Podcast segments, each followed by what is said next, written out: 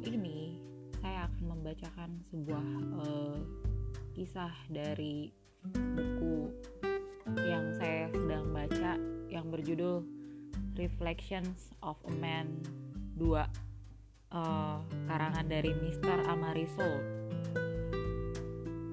You are the one you've been waiting for. There are no magical remedies, nor is there a mystical person who is going to walk into your life and remove the pain for you. You are who you've been waiting for.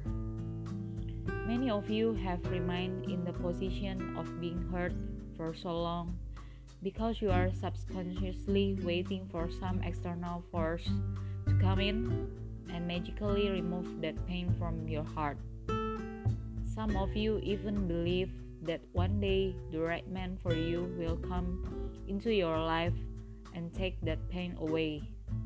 The truth is, there will be no magical external force, nor will be will there be a man who will come into your life and remove that pain for you. A good man may help to reduce the pain, but ultimately, if you don't face it that pain will begin to weigh both of you down. In the end, you will end up single again, carrying the same pain, and the only difference will be that you will now somewhat blame him too. Not because he caused the pain, but because in your mind you will hold him partially responsible for not being able to remove it. My thoughts the pain will not go anywhere until you decide to face it and go through the painful process of re- removing it. It's up to you now. Those around you can support you. We can cheer you on.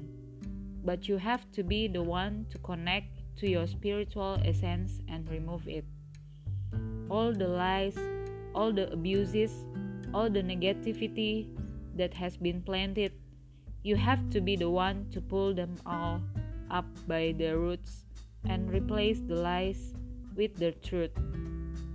The negativity with the with positive thoughts and the abuses with a newly healed perspective.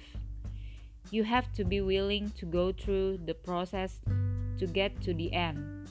One day at a time, one step at a time. Then you have to be willing to let it all go. If you don't, it will always be with you. I say this only to say stop looking externally and start looking internally. The strength, the courage, the very thing that you have been waiting on for so long is already within you. My dear, beautiful, strong woman, you are who you've been waiting for.